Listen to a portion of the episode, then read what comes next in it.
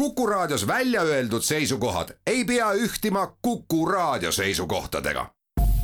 Te kuulate Kuku Raadiot.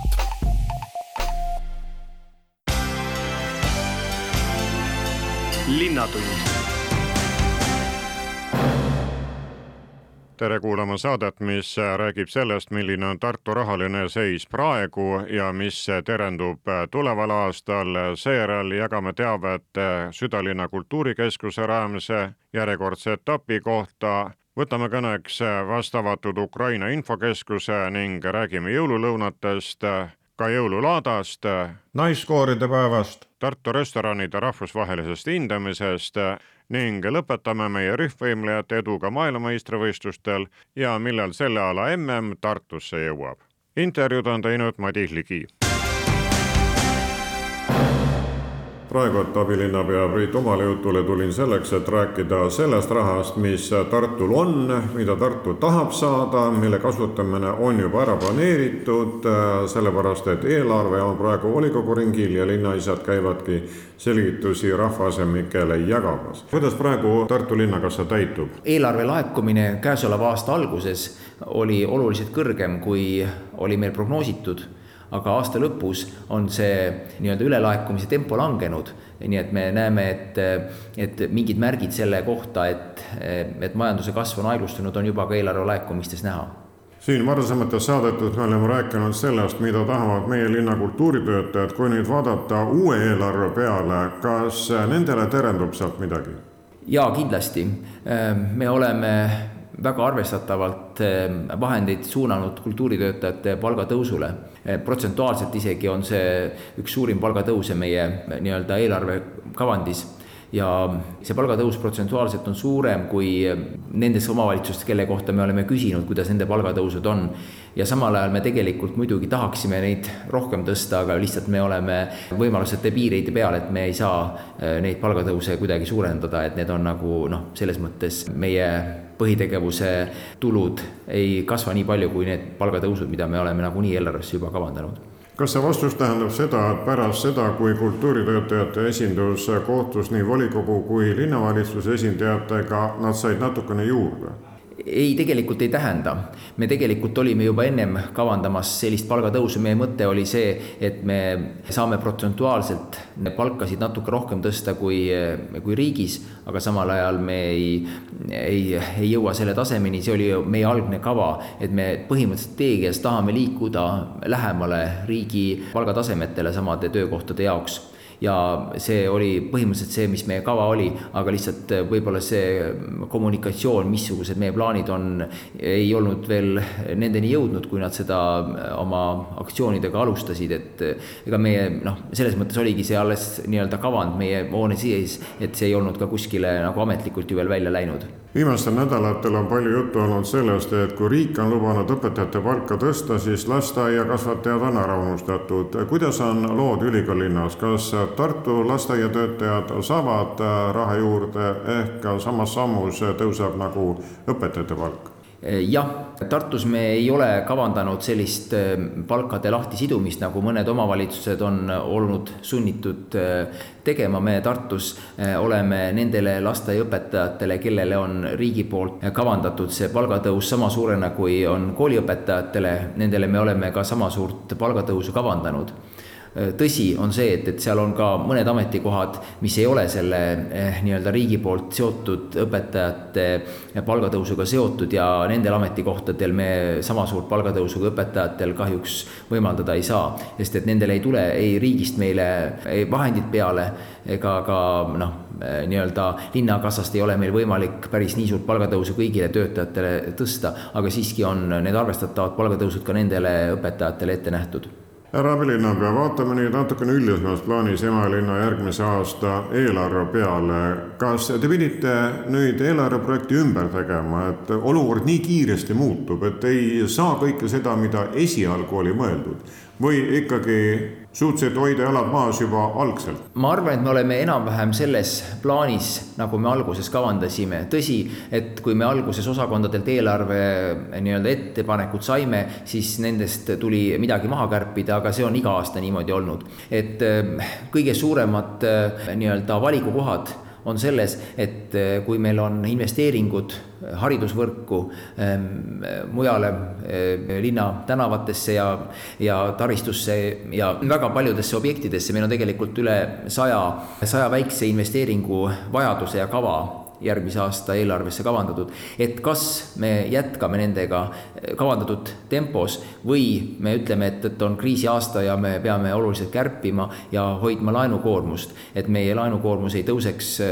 varasemast kõrgemale, et me saime volikogult eelarvestrateegiat vastu võttes juba põhimõttelise nõusoleku selleks, et Tartu on valinud eelarvestrateegias äh, vastutsüklilise eelarvepoliitika, et me siis sellisel kriisiaastal, nagu praeguste märkide järgi on järgmisel aastal tulemas, ei vähenda investeeringute kava, vaid jätkame selle kavaga ja selle katteks kasutame laenuvahendeid oluliselt suuremas määras, kui see on varem olnud tavaks Tartu eelarve koostamisel. ja sellega seoses me siis ka ei ole vähendanud neid investeeringuid, mis meil olid kavandatud eelarvestrateegias, eelkõige haridusvõrku, meil on põhimõtteliselt järgmisel aastal kavandatud kahe kooli renoveerimine, meil on Pärli kool ja sellega seotud investeeringud, kõige suurem investeering, see tegelikult algas juba sel aastal, aga ta on järgmise aasta lõpuks peab valmima, see on kõige suurem investeering, mis meil on. siis on meil Karlova kooli Linatänava hoone, mille ehitust me tahame järgmisel aastal ka alustada paralleelselt. Ja siis on ka meil Helliku lasteaed, et noh, haridusvõrku investeeringud on meil jätkuvalt ikkagi kavas. Ja need on kõige suuremad investeeringud, mis meil järgmisel aastal on, aga ka noh, nagu ma ütlesin, sada kakskümmend teist investeeringut on meil kavas, et kokku on meil investeeringute maht siis viiskümmend üks miljonit eurot, millest umbes kümme miljonit tuleb meil toetuste arvelt ja neljakümne miljoni euro katteks me võtame laenu.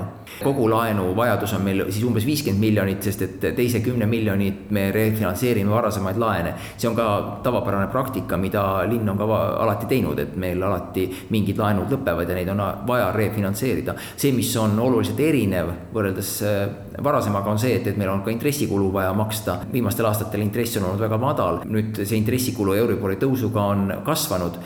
ta on seal suurusjärgus neli miljonit eurot, mida me peame järgmisel aastal intressidena maksma.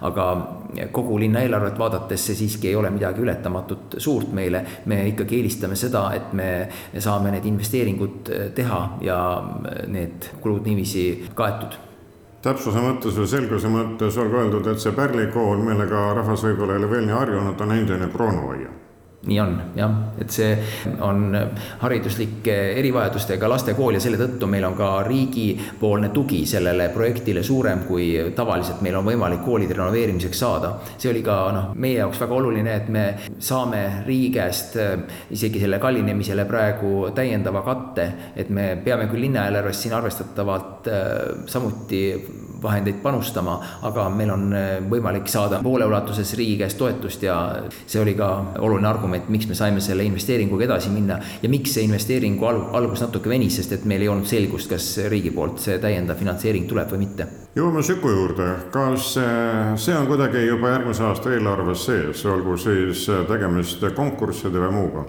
Jah, on, meil on kuussada tuhat kavandatud äh, Süku jaoks, see on eelkõige arhitektuurikonkursi läbiviimine, detailplaneeringuga seotud tegevused. Neid oli ka juba käesoleva aasta eelarves kavandatud ja on jätkuvalt tõusvas tempos, aga, aga suhteliselt kogu Süku jaoks vajalike investeeringute mahus on loomulikult praegu veel väiksed summad. et äh, kogu see ehitustegevus peaks algama kaks tuhat kakskümmend kuus ja selleks on siis ühesõnaga vahendid kavandatud tulevastesse eelarvetesse või eelarvestrateegiatesse nii et ikkagi kõigele vaatamata on, mida ümber jagada ja pealevool ikkagi Tartu linnas on olemas, raha jõed ei ole nad umbe läinud, kuid Priit Umal, mida te olete pannud siin linnavalitsuses siis ooteühele, et kui olukord on selline, nagu ta on, ta kammitseb ja surub, siis tuleb midagi edasi lükata. mis Tartu plaanides lükkub edasi? Me praegu ei olegi tegelikult äh, selliseid suuri investeeringuid äh, korrigeerinud, mis meil olid kavandatud, aga loomulikult eelarvestrateegias me ei ole ka kõiki objekte saanud äh, nii ruttu teha, kui me rahaliselt tahaksime. nii et ma ei saa ütelda, et me oleksime selle tulevase aasta finantsprojektsiooni arvates midagi nihutanud, aga kogu pikka plaani vaadates on meil tegelikult ootamas ju väga paljud koolid, väga paljud lasteaiad, mida me kõiki korraga ei saa teha ei tehniliselt, sest et asenduspindasid ei ole, kui ka rahaliselt ja, ja on ka teisi investeeringuid, mis meil on eelarvestrateegias olnud juba aastaid ootelehel, et eh, noh, nende kõikide ülesloetlemine siin praegu äh, läheks pikaks. et noh, siin on nagu äh, selles mõttes kaks, kaks vaadet selle asjal, et, et üks asi on see konkreetselt järgmise aasta eelarve, millesse me oleme eelarvestrateegias kavandatud tegevused kavandanud, aga noh, tegemata ja nii-öelda ootavaid töid üle Tartu linna, noh, ma arvan, et seda on igal pool, mitte ainult Tartus ja mitte ainult Eestis, vaid alati on nii-öelda soove, mida võiks korda teha rohkem, kui on võimalusi ja lõpuks, nagu öeldud, praegu on siis järgmise aasta eelarve, täpsemalt öeldes selle projekt volikogu ringil käib komisjonides. kui kaua on aega veel arutada, millal Tartu järgmise aasta eelarve juba vastu võetakse? Tartu eelarve saab vastu võetud teisel lugemisel, see on siis detsembri teine volikogu, kakskümmend kaks detsember, nii et kõigi kavade kohaselt siis peaksid olema kõik lõplikud numbrid olemas. praegu saab veel parandusi teha jah, praegu saab parandusi teha veel. linnatund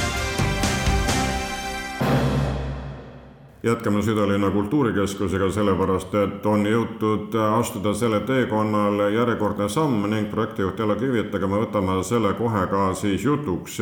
mis kokkulepe nüüd Tartu on Kultuurkapitaliga teinud? kultuurkapitaliga oleme jõudnud kokkuleppele selles, kuidas jagunevad kulud Kultuurkapitali ja linna vahel ja suures plaanis on see siis nii et, et kuuskümmend seitse protsenti kannab Kultuurkapital ja kolmkümmend kolm protsenti on Tartu linna omaosalus. ja teine oluline kokkuleppe koht on siis see, et me tänase teadmisega veel ei oska öelda, mis on lõplik maksumus.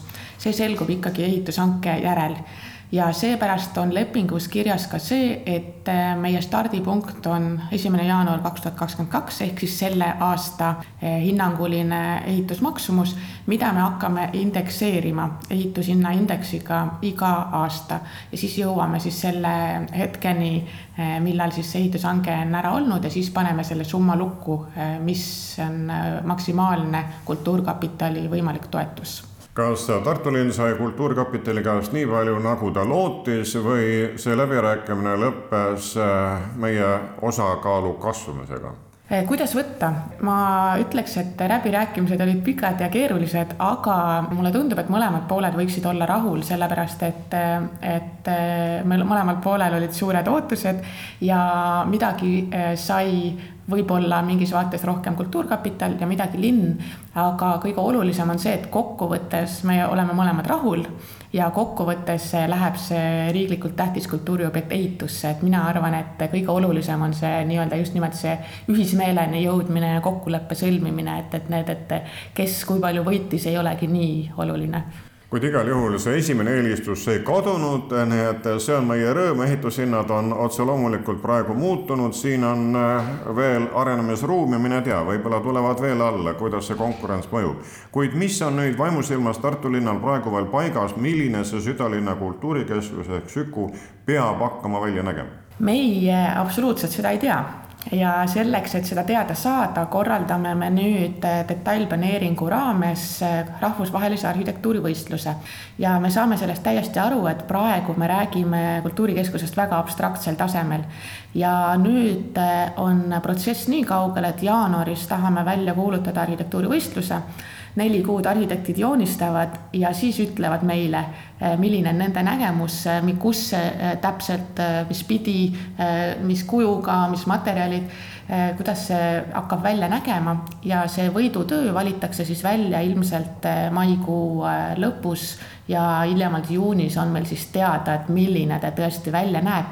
ja siin linnavalitsus ei hakka üldse spekuleerima, et me jätame selle arhitektidele töömaaks, et nemad ütlevad, milline see tuleb. meie anname neile lihtsalt ette selle ülesande, et mis on meie meie ootused, mis on meie tingimused, mis nõudmistele see hoone peab vastama ja nemad selle, selle raames siis peavad välja pakkuma selle kõige parema ja kõige kvaliteetsema lahenduse koht on aga kindel, lennaku need mõtted kui kõrgelt tahes, et tuleb siis Süku kesklinna parki ning ka korrused on ju Tartu ikkagi ette andnud. Korrused on antud ette vahemikuna, üldplaneering ütleb, et korruselisus on kaks kuni neli.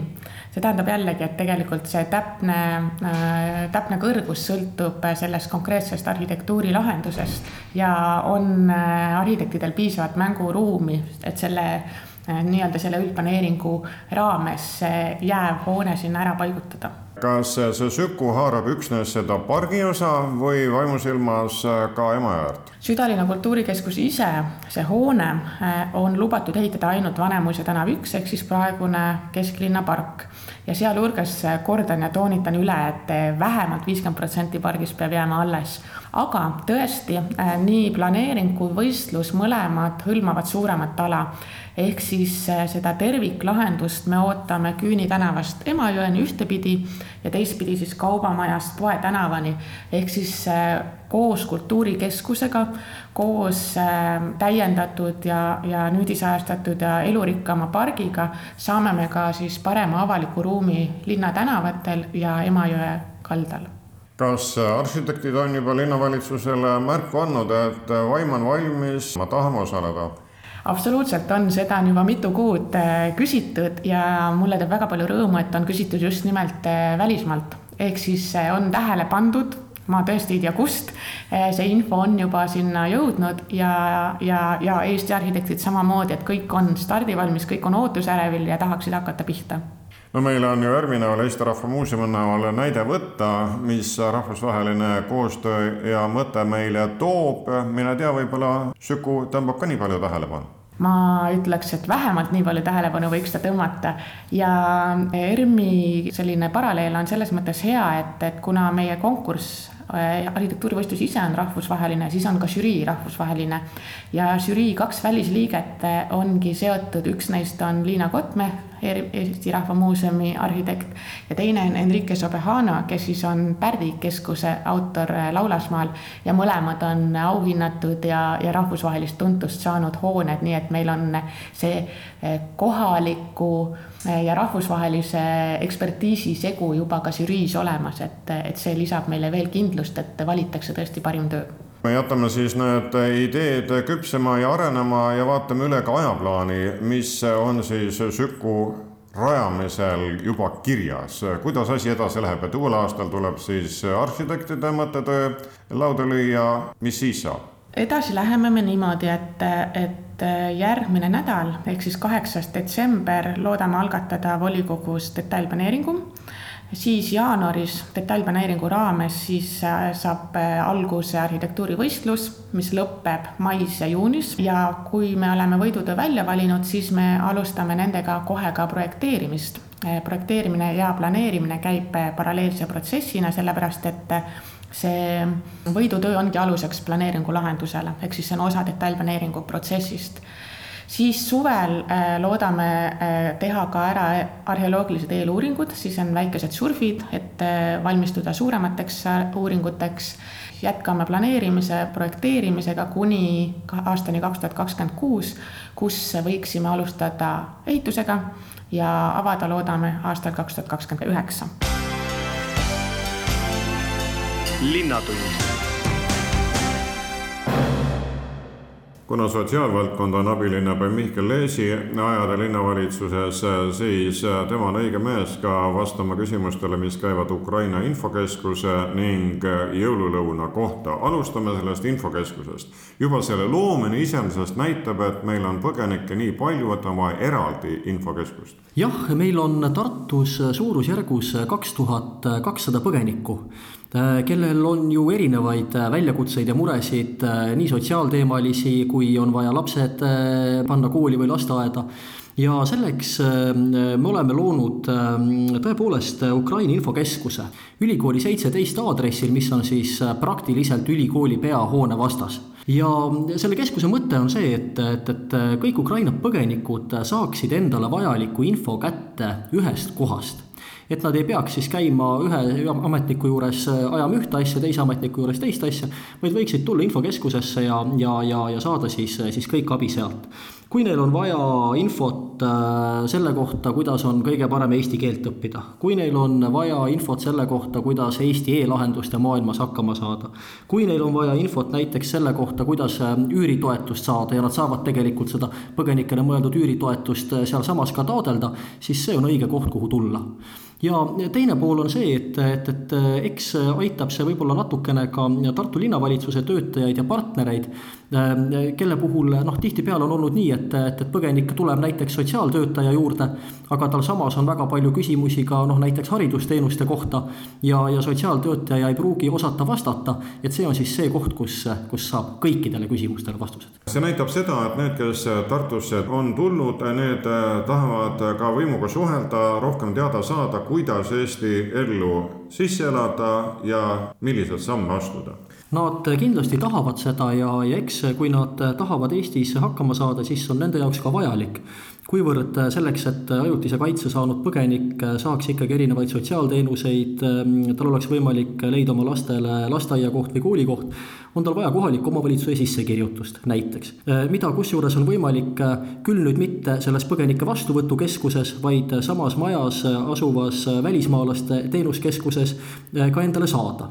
ja noh, mida me näeme, on ka see, et, et, et eks need põgenike küsimused ka ju aja jooksul muutuvad et äh, on arvestatav hulk põgenikke, kes äh, siia saabudes äh, eeldasid, et, et, et sõda saab õite pea läbi, nad saavad kiiresti tagasi pöörduda, aga, aga tagasi pöörduda nad saanud ei ole, mis tähendab seda, et, et, et nende soov ja vajadus ka Eesti ühiskonnast, selle toimimisest paremini aru saada, mõelda, nagu öeldud, selle peale, kuidas, kuidas lapsed kooli ja lasteaeda saavad, kuidas ise tööd leida, et need vajadused on, on muutuvad ja, ja, ja selles suhtes suurenevad ja eks me siis katsume loomulikult koostöös heade partneritega neid, neid võimalikult palju aidata kui neid põgenikke hakkas meile rohkem tulema, siis nad esialgu majutati Radimõisa hotelli. nüüd on äh, sealt nad kõik läinud ja leidnud juba uued kohad. põgenikke tuleb äh, jah, meil ju ikkagi tunduvalt vähem kui, kui selle sõja alguses et Sotsiaalkindlustusamet ikkagi ajutist majutust ju pakub, aga pigemini on äh, just nimelt väljakutseks nüüd see pikaajalise majutuse leidmine ja kui me mõtleme Tartu peale, kus on siis suurusjärgus kaks tuhat kakssada põgenikku ja kus on kuussada leibkonda suurusjärgus taotlenud üüritoetust ja noh, see selline klassikaline eh, leibkond, kes siis üüritoetust taotleb, on tavapäraselt kolmeliikmeline, on ka muidugi üksikuid inimesi, on ka kaheliikmelisi, aga tavapäraselt kolmeliikmeline. et siis me võiksime öelda, et, et, et Tartusse eh, saa-, saabunud põgenikest ikkagi üüripinna endale leidnud, eh, vaadates üüritoetuse saamise statistikat, on ikkagi valdav enamus.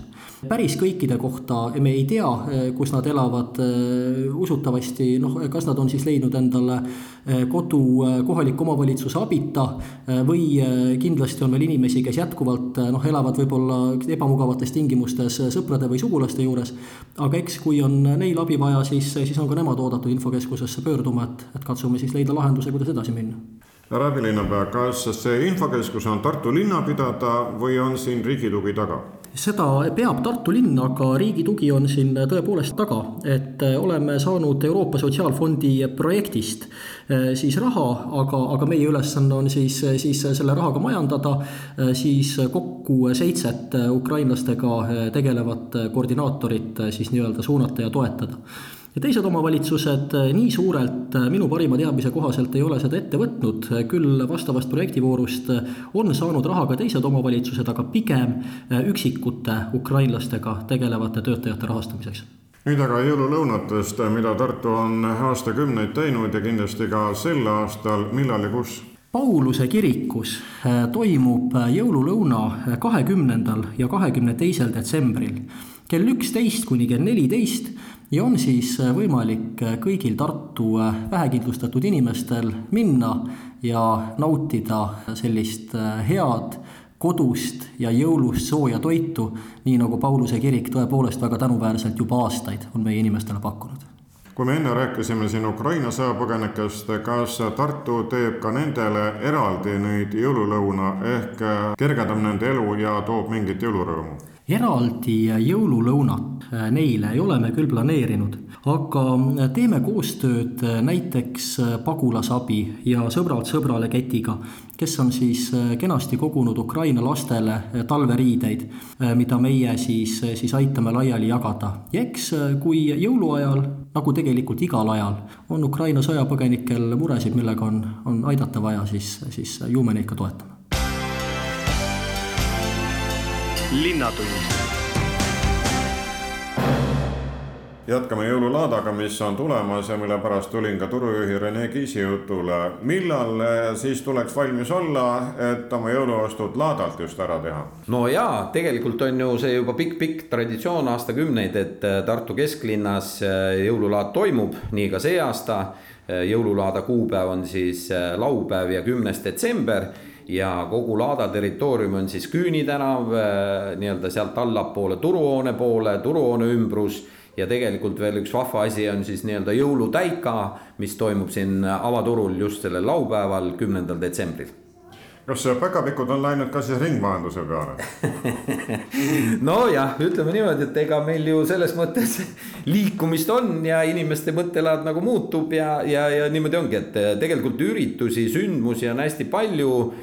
keskkonnajoont hoiame, nii et laadal on palju sellist traditsioonilist kaupa, aga on ka väga palju põnevaid üllatusi.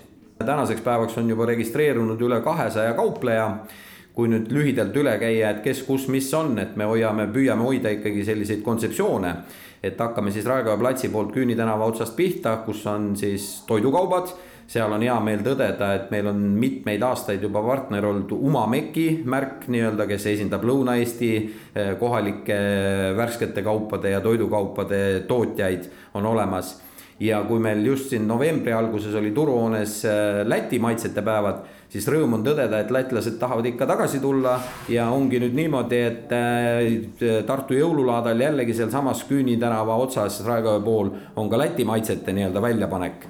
et, et see, edasi Küüni tänavalt minnes tuleb siis nii-öelda segakaup, on seal käsitööd, on seal riideid, on seal jalanõusid, on seal sukke, sokke ja, ja kõike, kõike muud vahvat turuhoone ümbruses oleme sisustanud siis äh, just ähm, nii-öelda sellise toidu valmistamise ja, ja väga põnevaid, siin on Peipsi vanausuliste toite pakutakse, on suitsuahjud turuhoone ees püsti, äh, on turuhoone kõrval Vabaduse puiestee ääres on linna ilusamad kuused on müügil. nii et, äh, et, et see pool kõik toimib ilusti ja kui nüüd veel vaadata edasi, siis jah, Emajõe äär on meil nüüd viimased kolm-neli laata olnud käsitöömemmede ala kus siis tõesti on vahvad käsitööd alates sokkidest ja kinnastest ja, ja lõpetades eheteni välja pakkuda. ja avaturul, mida me oleme siis ka kaasanud ka linnalaatadele, on siis toimumas täika kus saab siis nii-öelda oma eh, kõike vanakraami müüa ja vanakraami osta, nii et selles suhtes pilt on lai ja kirju kas siis lätlastel läks nii hästi, et nüüd tahavad tagasi tulla? oo jaa, seda on nagu rõõm tõdeda, et äh, tegelikult ikkagi äh, Läti sellist põnevat kaupa tartlased võtsid omaks siin turuhoone Läti maitsete päevadel novembri alguses. Kindlasti seda traditsiooni ka jätkame, et turuhoones aeg-ajalt nii-öelda erinevaid maitsekontseptsioone tuua ja erinevate maade maitsekontseptsioone tuua. Ja lätlased jäid ka ise ka väga rahule, et äh, selles mõttes rahvast käis palju ja selle tõttu nad on nii-öelda juba järgmisteks laatadeks jällegi uuesti kohal, niimoodi ka siis jõululaudal laupäeval no turu peal on ka ukrainlased müünud, kas nad tulevad ka jõululaadal välja? ukrainlastega on selline lugu, et äh, tegelikult Ukraina kohvik on äh, täitsa nüüd siia avaturule, turuhalli kolinud üle siin Krossi poolses Emajõe sillast üle tulles Krossi äh, poolt vaadates, siis siin seina ääres on kohe nii-öelda uksel silt ja, ja Ukraina lipud lehvimas. pakutakse igapäevaselt Borishi aga siis laadaks nad tulevad välja ka väikse grillide kontseptsiooniga ja grillimisega. nii et see on siis seal eh, turuhoone taga eh, jalgteel, mis viib kaubamajast Emajõeni, nii et seal, seal on see, seda nagu toidu poolt on ka hästi palju, et mida ma rõhutan, et eh, kui tulla just laadale ka nii-öelda perega või sõpradega, käia ringi, saate oma kingid kätte ja saate ka kõhu täis, et tasub võtta aega, rahulikult toimetada ja laat on suurel territooriumil, keegi üksteisele otsa ei jookse. Nii et see on meie laat laatade kontseptsioon jah. laupäeval, kümnendal detsembril kella kümnest avatud, kauplejad panevad ennast juba varahommikul püsti ja külastajatel on siis jah, kuskil kella neljani, et ühepäevane laat. Küll aga on see, et väga palju põnevat ja osad ka laadakauplejad, kes tundsid, et tahaks Tartu inimestele pikemalt rõõmu valmistada, on juba kohal meil detsembrikuus turuhoone ees on siis äh, turuhoone jõulutrall ja see on iga nädal siis neljapäevast laupäevani, nii et seal on põnevad käsitööd, on kuuski müügil, on suitsutamist, äh, suitsuliha, suitsukala ja, ja kõike muud põnevat, et, äh, et, et selles mõttes jah, see on niisugune pikem periood, et iga detsembri neljapäevast laupäevani turuhoones midagi toimub. olgu siis lõpetuseks korratud, et Tartu jõululaat on järgmisel laupäeval, kümnendal detsembril linnavalitsusest tulnud pressiteade räägib sellest, et Tartu restorane on rahvusvaheliselt hinnatud ja meil on hästi läinud, kes hindamas käis, mida hinnati ja mismoodi see valdkond üldse praegu elab ja tulevikku vaatab, seda küsin juba ettevõtluse arengu osakonna valdkonnajuhi Marilyn Krooni käest tegemist on siis Põhjamaade hinnatud restoranijuhi White Guide'iga, kus siis nii-öelda hindamiskomisjon hindab igal aastal Eestis asuvaid restorane. Ja, ja tulemustest nähtub, et Eesti on hea toidumaa ja Tartu üha enam toidunaudingute linn. Ja ütleme niimoodi, et White Guide'i süsteemis noh, nagu üleüldse ka restorani elamus ju koosneb äh, paljudest komponentidest ja White Guide'i süsteemiski hinnatakse nii toitu, jookide, teeninduse kui ka atmosfääri taset ja suunda. Ja, ja kindlasti erilist tähelepanu pööratakse just ettevõtete isikupärale. menüüde puhul äh, hindab antud komisjon siis äh, nii stiili kui koostisosi, äh, menüüde keerukust ja selle teostust ja loomulikult ka presentatsiooni ja maitseid kooskõlas siis kas need hindajad ise valivad need restoranid välja või Tartu linn esitas need? et nendel ettevõtetel eelkõige endil peab olema valmisolek hindamiskomisjoni vastuvõtmiseks. ja, ja Tartus siis sellel korral äh, nii-öelda hindajate otsusel äh, siis sellesse Guide'i soovituste nimekirja pääses kümme restorani, et need olid siis Hõlm, Choice, GMP Patisserie, Antoniuse restoran, Pompei, Campus, Meat Market, Cafe Truffe, Vilde ja Vine ja Fi kui sageli sellised hindamised toimuvad? Need toimuvad iga-aastaselt, nii et, et selline nii-öelda soovitusgiid restoranijuht White Guide'i poolt töötatakse siis välja igaks aastaks. nii et, et siis see antud juhul on restoranijuht White Guide eh, kahe tuhande kahekümne kolmandaks aastaks nii et eh, see näitab taset ja sellist rahvusvahelist tunnustust eh, tõstab töömeeleolu. absoluutselt, selles mõttes on tõesti väga hea meel, et et Tartu gastronoomiamaailm on arenemas ja, ja kindlasti oleme me valmis järjest suuremaks tähelepanuks. et, et just lõppes meil ka tegelikult siin Lõuna-Eesti maitsete nädal metsast taldrikule, mis näitas samamoodi, et, et Tartu ettevõtted on väga koostöövalmis ja, ja, ja väga pingutavad selle nimel, et, et üllatada kliente, nii kohalikke kui, kui külalisi.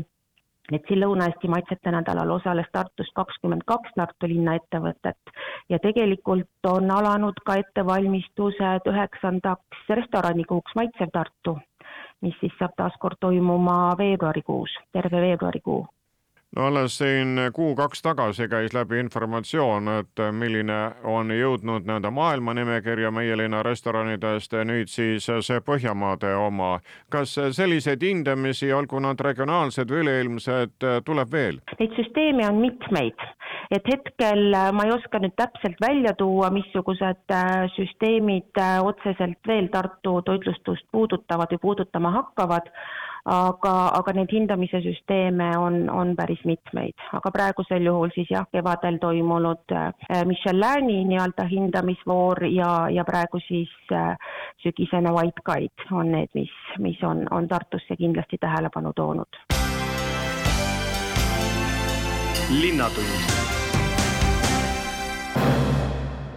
järgmine intervjuu juhatab teid Tartu ja Tartumaa naiskooride laulupäevale ja sellepärast võtsin kõne kunstilisele juhile ja dominadirigendile Anneli Koppelile.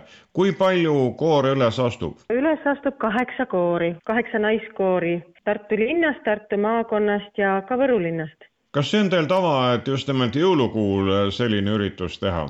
viimastel aastatel on see advendikontsert saanud küll tavaks. seekord on ühendatud äh, advendikontsert ja Tartu linna ja maakonna naislaulupäev. advendiaeg on käes ja kuulame rohkelt jõululaule. kus see laulupäev toimub, kuhu peaks rahvas sammud seadma? laulupäev toimub Tartu Pauluse kirikus sel laupäeval kell kuusteist null null ja kontsert on tasuta. Ja naised laulavad kenasti, naiste laul on alati ilus, et tasub kuulama tulla ja kontsert saab ka ilus toimuma. iga koor on saanud laulud minu käest, selleks iseseisvalt valmistanud ja laupäeval enne kontserti on meil ka suur ühisproov et äh, ütlen nii palju, et seda kontserti oleme soovinud juba teha kaks aastat, aga teatud põhjustel on see ära jäänud ja nüüd siis sellel aastal saame teha. koroona on vahe sisse teinud, seda enam on see laupäevane üritus oodatud jaa, väga oodatud. Nüüd hakkame rõõmu tundma meie rühmvõimlejate edust maailmameistrivõistlustel ja Lea Kriibi rütmikast on sellepärast ka meile teavet jagamas. kõigepealt Eesti rühmvõimlejate tase on selline, et kui Tartu omad juba pääsevad riiki esindama, juba see on saavutus ja Tartus on väga tugevad klubid, kes tegelevad rühmvõimlemisega. et suur tänu kõigile Tartu lastevanematele, kes te toote oma lapsi võimlema, usute meisse ja olete koos meiega nii headel kui halbadel aegadel. no loorberit te olete lõiganud varasemalt ka tiitlivõistlustel, nüüd siis tulite tagasi Eesti juunioride võistkondliku hõbemedaliga ja võistkondlikud võistlused toimuvad alati maailmameistrivõistluste raames ja selleks, et üldse konkurentsi pakkuda, peab olema väljas vähemalt kolm võistkonda. juuniorides oli Tartust väljas kahe klubi võistkonnad, äh, võimlemisklubi Rütmika tiim ja võimlemisklubi Jaanika tiim, täiendas Tallinna klubi Piruett kolme võistkonna koosmõjul tuligi siis see ajalooline hõbemedal, sest riikide arvestuses pole meil varasemalt olnud hõbemedalit. nii et selles mõttes on nüüd siis uus uks lahti tehtud? jaa, uus uks on lahti tehtud ja ma ei saaks jätta ka märkimata võtta meistriklassi kahte tublit võistkonda. võistkond Siidisabad rütmikaklubist, kes jäi pronksmedalist ilma null koma null viie punktiga ja võimlemisklubi Jaanika Tallinna võistkond Caresse, kes kahekesi koos tulid võistkondlikult neljandale kohale, nii et kaks valusat kaotust. Tartu on äh, kindlalt äh, rühmvõimlemises praegu eespool kui Tallinn aga loodan südamest Eesti Võimlemisliidu juhatuse liikmena, et ka Tallinn tuleb meile järgi, sest Tallinn on palju suurem kui Tartu, aga hea meel on, et väike Tartu suudab pakkuda nii palju silmailu kõikidele kui seekord oli mm Austrias, siis kahe aasta pärast, kaks tuhat kakskümmend neli, on see juba Eestis ja Tartus, nii et äh, maailma tipud tulevad siia. ja Tartus kindlasti ma loodan, et nad on seotud selle kultuuri pealinnaga. võistlused toimuvad novembris, alates kahekümne neljandast novembrist kakskümmend neli ja loodame, et siis tuleb tugevam tulemus. Kui palju rütmikas siis võimlejaid on, kas äh, ikkagi noortel kaasmaalastel on endiselt huvi tegeleda selle kõige massilisema spordialaga? no väga tahaks loota, et on huvi, me ei ole saavutanud sedasama taset, mis oli enne Covidit, aga tasapisi me liigume sinna tõusu poole. Ja loodetavasti järgmisel aastal me juba saame neid väikseid võimlejaid nii palju juurde, et me jõuame sinna Covidi eelsesse tasemesse vahepeal kindlasti tuleb meil auk. et need, kes läksid ära välispordialadele, need läksid, aga loodame, et noori tuleb peale no sportliku pinge ja mõõduvõtmise kõrval olete pakkunud rahvale ka silma ja nautimisilu siinsamas kodulinnas, olgu siis talvel lavale üles astudes või suvel, kas siis staadionil või laululaval. millal rahva ette tulete? Talvel toimub meie iga-aastane traditsiooniline jõuluetendus, see toimub Teater Vanemuises üheksateistkümnendal detsembril algusega kell üheksateist. Null null. teater Vanemuine suurmaja. Ja kevadperioodil on kindlasti võimlemispidu ja see toimub siis Lauluväljakul.